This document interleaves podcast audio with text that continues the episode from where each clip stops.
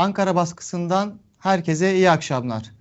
Bugün mecliste çocuk istismarının araştırılması komisyonu üçüncü kez toplandı. Biliyorsunuz Hiranur Vakfı'nda ve bir kadının 6 yaşından beri e, sistematik olarak istismara uğraması skandalı tüm Türkiye'yi sarsmıştı. Pazartesi günü de İstanbul'da e, görülen davanın ilk duruşması yaşandı. E, ve e, meclisteki e, bugünkü komisyon toplantısında e, Milli Eğitim Bakanlığı ile İçişleri Bakanlığı'nın bürokratları geldiler, sunumlar yaptılar, sorulara yanıt verdiler. E, bunları konuşacağız. Komisyon üyesi HDP Ankara Milletvekili Filiz Kerestecioğlu'yla. Filiz Hanım hoş geldiniz. Hoş bulduk. İyi yayınlar diliyorum. Teşekkür ederiz. Ee, öncelikle şuradan e, başlayalım. Ee, en sıcak gelişmeden Milli Eğitim Bakanlığı ve İçişleri Bakanlığı'nın bürokratları yaptıkları sunumlarda neler söylediler? Ee, Hiranur Vakfı'ndaki istismar olayına dair e, neler anlattılar? Sizden dinleyelim önceden. Valla Hiranur Vakfı'ndaki istismar olayına ilişkin hiçbir şey anlatmadılar. Yani bu komisyonun adı aslında direkt 6 yaşındaki bir kız çocuğunun diye başlayan, ismi böyle olan bir komisyon. Ama e, onlar e, genel, soyut, e, daha önce Adalet Bakanlığı ve e, Aile Bakanlığı yaptığı gibi e, ne tür iyi çalışmalar yaptıklarını e, gayet bürokratik bir dille anlattılar. Aslında komisyonun ilk toplantısına itibaren ben e, oradaki üyelere hep bununla ilgili kaygılarımı iletmiştim. Yani size göstereceğim kitap e, elimde şu e, 2016 yılından. Evet. Ve 2016 yılında e, ne yapmıştık biz? Başta cinsel istismar olmak üzere çocuklara yönelik her türlü istismar olaylarının araştırılarak alınması gereken önlemlerin belirlenmesi amacıyla kurulan Meclis Araştırma e, Komisyonu raporu bu. 3 Kasım 2016 tarihli rapor. Yani e, koskoca bir rapor hazırladık. E, o rapora çok sayıda önerimiz girmesine rağmen yine de şerh yazdık. Ve e, şu kaygıyı dile getirdim ben bu komisyonda, bu yeni komisyonda. Yani biz bunları tekrar etmeyelim. Biz uzmanları yeterince dinledik.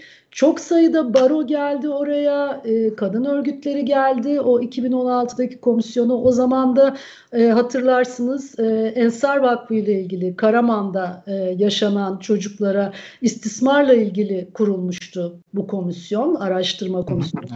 Ve gerçekten değerli bir e, rapor çıktı aslında şerhleriyle de beraber.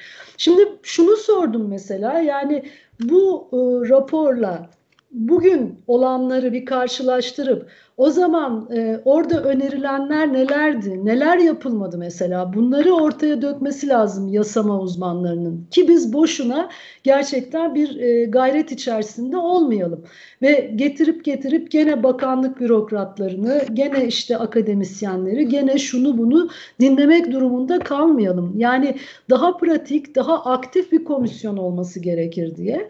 E, ama maalesef e, iki haftadır karşılaştığımız manzara böyle. Yani geçen hafta e, geldiklerinde Aile Bakanlığı'na e, sorduğumuz soruların ardından biz olayla ilgili açıklamalar aldık. Yani ne zaman onlara gitmiş, neler yapılmış, işte yok çocukların çocuğunun aşıları yaptırılmış, şöyle koruma altına alınmış, böyle koruma altına alınmış falan. Ama kimseden şunun cevabını alamıyoruz biz. Yani e, Hiranur Vakfı ile ilgili ne yaptınız?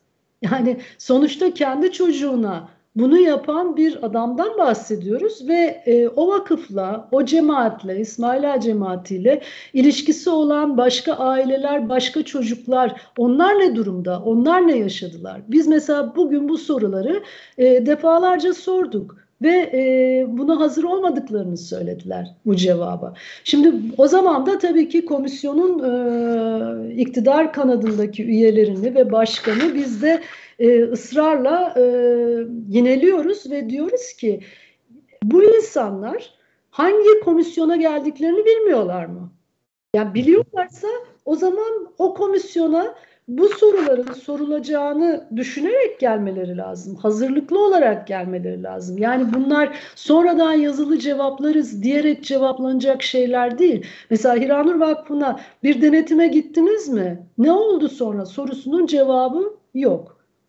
Yani bunun gibi mesela İçişleri Bakanlığı'nda ben herhalde 6-7 tane, 8 tane soru sordum. Başka arkadaşlar da sordular. Hem e, Fatma Vekil, e, Mersin Vekilimiz Fatma Kurtulan'la birlikte üyeyiz. Biz hem CHP'li vekiller.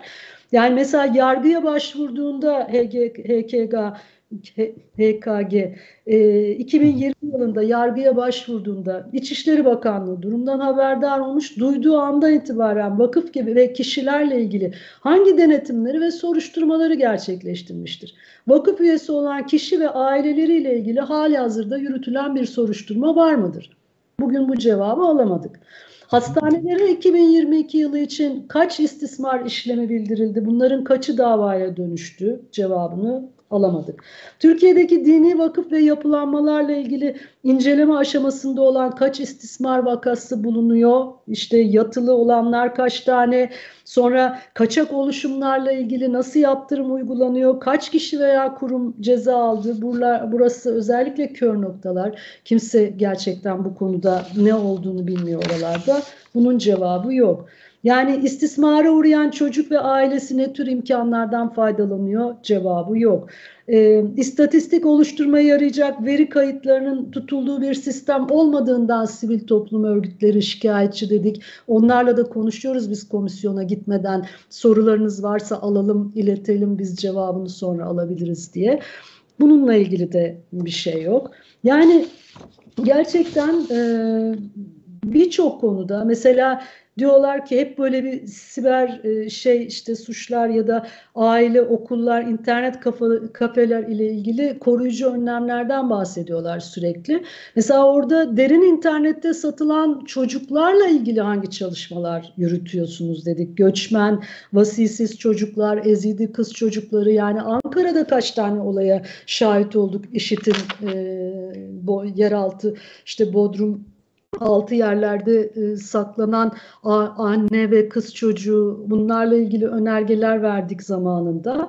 E, bütün bunların cevabını alabilmiş değiliz e, Birkan Bey. Yani gerçekten e, o anlamda tabii e, hoş olmuyor bu durum, acıtıcı oluyor. E, çünkü ben açıkçası şunu merak ediyorum. Yani evet e, bu kız çocuğu e, genç bir kadın ve cesur bir kadın halinde artık bu başvuruyu yaptı. E, kendisi ortaya çıktı. Şu anda korunuyor. Evet korunuyor. E, ama e, diğer çocuklar var mı? Onlar ne durumdalar? Başka nerelerde ne oluyor? İşte o yüzden bizim sadece burada oturup da dinlemenin dışında ziyaret de yapmamız gerektiğini ben ısrarla söylüyorum, vurguluyorum. Bunu neden istiyorum? Orada ziyaret yaptığımız zaman aslında illa bir şeyler açığa çıkacağı için değil. Çünkü e, önceden haberli olan, gidilen her yerde e, önlemini alacaklardır bunu. manzaralar görürsünüz. E, ama bunun dışında şuna işaret eder bu. Ya buraya geliyorlarsa bize de gelirler. Yani biraz ayağımızı denk alalım. En azından bu güveni, bu cesareti e, başka çocuklara verebilmek, bu güveni kamuoyuna verebilmek. Yani bu komisyonun gerçekten yapması gereken şeylerden biri de bu diye düşünüyorum. Ama e, seçim zamanı özellikle ona doğru giderken e, buranın bir e, arı kovanı olduğunu da biliyorum ve e, çok da oraya e, çomak sokulmak istenmediğini de e, tahmin edebiliyoruz yani. E, şimdi dediğiniz gibi e, örneğin bugün emniyet e, müdür yardımcısı e, denetliyor musunuz e, vakfı deni diye sorulduğunda yazılı olarak biz bunu bildireceğiz dedi ve komisyonu terk etmişti. Fakat e, Milliyetin Bakanlığı bürokratlarının yaptıkları açıklamalarda e, farklı bir tutum benim dikkatimi çekti. Yani özellikle e, verilerin tutulması ve paylaşılmasına dair bir yandan e, çeşitli verilerin çok yönlü tutulduğunu açıkladılar. Fakat e, bunlara ilişkin herhangi bir bilgi paylaşılmadı. Öte yandan e, bir milliyetin bürokratı e, çok dikkat çekici bir şey söyledi. Bu e, münferit olaylar basına yansıyor ve böyle yayılıyor e, şeklinde. Yani burada e, bir veri eksikliği mi var yoksa bir veri var elde eksik de olsa bu paylaşılmak mı istenmiyor? Yani Nasıl e, düşünüyorsunuz? veri eksikliği de var. Bence her ikisi birden. Veri eksikliği de var. Kurumlar arası organizasyonsuzluk, koordinasyonsuzluk var. Yani ki hatta mecliste bile var. Yani kalkıp işte çocuk hakları, şey insan hakları alt komisyonu Eskişehir'e mesela ziyarete gitmiş. Yani ben dedim biz bunu bilseydik biz de katılır giderdik oradaki e, işte şeylere e, çocuk izlem merkezine tamam e, iyi bir şey yapsınlar ama aynı zamanda mecliste de bir koordinasyon olsun değil mi? Yani onlar gidiyorsa biz de gidelim veya işte onlar gidiyorsa gittiklerini bize aktarsınlar. Böyle bir koordinasyon olsun. Burada da öyle bir koordinasyon yok. Orada da öyle bir koordinasyon olduğunu düşünmüyorum. Yani kurumlar arası e, o bürokraside bir koordinasyon olduğu kanısında değilim ama aynı zamanda yeterli veri tutulmadığını da düşünüyorum. Yani gerçekten e, olanların paylaşılmamasının yanı sıra e, aynı zamanda yeterli veriye de sahip değiller. Yani biz görüyoruz ki hakikaten 2 milyona yakın çocuk örgün eğitimden uzak şu anda. Bu verileri anlattım ben orada da. Ve e, özellikle de bu örgün eğitimden uzak kalan çocukları denetlemek, onların neye maruz kaldığını denetlemek çok daha zor. Yani bunu kafa sallayarak kendileri de kabul ediyorlar. Ama o zaman bunlarla ilgili ne yapıyorlar? Yani e, gerçekten çocukların gidebileceği kreşler, yurtlar vesaireler yok doğru dürüst. Yani bu işte Antalya'daki bir olaydı galiba.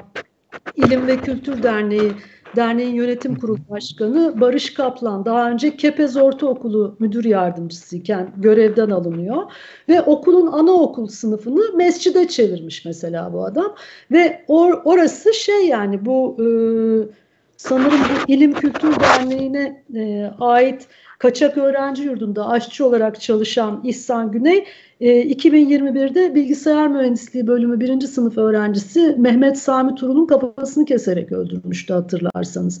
Şimdi bu adam mesela bu yönetim kurulu başkanı Barış Kaplan ne oluyor dedik. İmam Hatip Lisesi'ne çünkü bu e, görevlendirilmiş ve epey kurcalamalar sonrasında e, hala görevine devam ediyorum dedik. Hala görevine devam ettiği ortaya çıktı. Yani böyle bir şey olabilir mi? Yani gerçekten e, bunların hiçbirinin münferit olmadığını biz biliyoruz. Yani bu bir sistem sorunu, bu bir bakış açısı sorunu.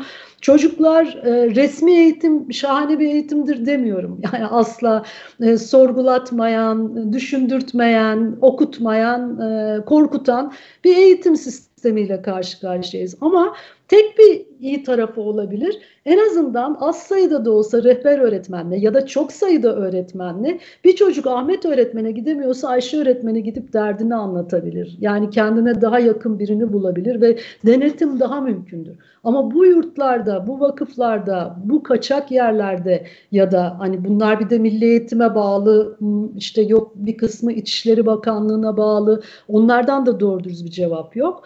Ee, oralarda denetlemek çok zor. Yani gerçekten imkansız gibi bir şey ve o yüzden de e, çocuklar gerçekten helak oluyorlar yani bu ülkede. Son olarak şunu sormak istiyorum. Şimdi bir yandan e, Çocuk İstismarını Araştırma Komisyonu 3. toplantısını yap, yaptı. Öte yandan e, pazartesi günü ilk duruşma görüldü. E, Hiranur Vakfı'ndaki e, skandalla ilgili. E, tabii orada da e, yayın yasağı ve bakanlık dışındaki hiçbir kurumun e, katılmaması, katılma taleplerinin reddedilmesine yönelik bir karar çıktı. İki yönlü bir e, çalışma var bu konuda. E, burada temel olarak ne yapılmalı? Komisyon kurulduğunda siz özellikle denetim meselesine vurgu yapmıştınız. Yine e, komisyonun e, gidip buraları incelemesi gerektiğini az önce söylediniz. E, bu üçüncü toplantıdan sonra alınması gereken en büyük önlem, atılması gereken en önemli adım nedir? Onunla bitirelim. E, denetlenmeyen yer kalmayacak. Denetlenmeyen yurt, e, vakıf, cemaat, e, şu bu hani kapatılması bir kenara. E, ama hani o o topa e, giremediklerini biliyorum ama en azından e, böyle mesajların yüksek sesle verilmesi lazım gerçekten. Ve e, özellikle bu toplumsal cinsiyet eşitsizliği yani bu program içerisinde girebileceğimiz çok fazla detay olamayacak tabii ki bu ama yani bunu biliyoruz zaten. Bütün bu sistemden, erkek egemenliğinden, patriarkadan kaynaklandığını, bunların kişisel olayları olmadığını. Mesela e, komisyonda hiç kimse bize şunu dememeli artık. Ki ben iki toplantıdır bunu işitiyorum. Ama bu kişisel değil mi? İki aile arasında değil mi? O zaman işte deliriyorum. Yani nasıl kişisel olabilir? Nasıl iki aile arasında olabilir ya? Böyle bir şey değil bu. Yani yüzlerce e, adam gelmiş oraya e, işte azgın azınlığa e, yol verme falan diye bağırıyorlar duruşmanın dışında. Hadi ben kimse şiddet uygulamadıkça bağırmasından, e, bağırmasının sesini kısılmasından yana değilim. Yani bir hukukçuyum ben ve e, gerçekten toplantı gösteri hakkını savunurum. Herkes için savunurum ama yani üstelik de bu kadar e, baskıya uğrayan bir partinin üyesi olarak. Ama verilmesi gereken yüksek sesle mesajlar var. Yani çocuklar gerçekten güçlendirilmeli. Ee, bir çocuğa kalkan eli biz e, engelleriz, yakalarız e, ve neresi olursa olsun, neresi olursa olsun sesinin yüksek sesle ifade edilmesi lazım. Çocuk Bakanlığı'nın bu ülkede kurulması lazım. Mecliste daimi çocuk hakları komisyonunun kurulması lazım. Gerçekten daimi olarak sadece bir e, infial yaratan olay üzerine değil, yani daimi olarak takip eden e, olayları, gelişmeleri bir komisyonun kurulması lazım. Ama e, her şeyden önce yani hem önleme sorumluluğu idarenin hem de denetleme sorumluluğu var. Bunu yapmayanların yargılanması lazım. İki senedir kalkıp da kendilerine başvuran insandan sonra o vakıflarla ilgili hiçbir soruşturma açmamış İçişleri Bakanlığı da sorumludur, Aile Bakanlığı da sorumludur. O yüzden o davada herkesin müdahil olma talebi reddedilip iki senedir susan Aile Bakanlığı'nın müdahale talebinin kabul edilmesinin hiçbir anlamı yoktur. Yani bu mücadele yine kadın örgütleriyle yürüyecek, barolarla yürüyecek e, ve gerçekten e, buna e, canını koymuş e, mücadeleci insanlarla yürüyecek. Böyle böyle değiştireceğiz biz bu sistemi. Çok teşekkür ederim Filiz Hanım katıldığınız için programımıza. Ben de size teşekkür ederim. Evet, bugün HDP Ankara Milletvekili Filiz Kerestecioğlu'yla e, İsmail Ağa cemaatine e, bağlantılı olmasıyla bilinen Hiranur Vakfı'ndaki skandalı e, konuştuk. Bir yandan davada yayın yasağı ve müdahil olma taleplerinin reddedilmesiyle öte yandan bugün komisyonda gördüğümüz gibi e, soruların yanıtsız bırakılmasıyla e, karşı karşıya kaldık. E, biz de bu konunun takipçisi olmaya devam edeceğiz. Haftaya e, yeni programımızda görüşmek üzere. Hoşçakalın, iyi akşamlar.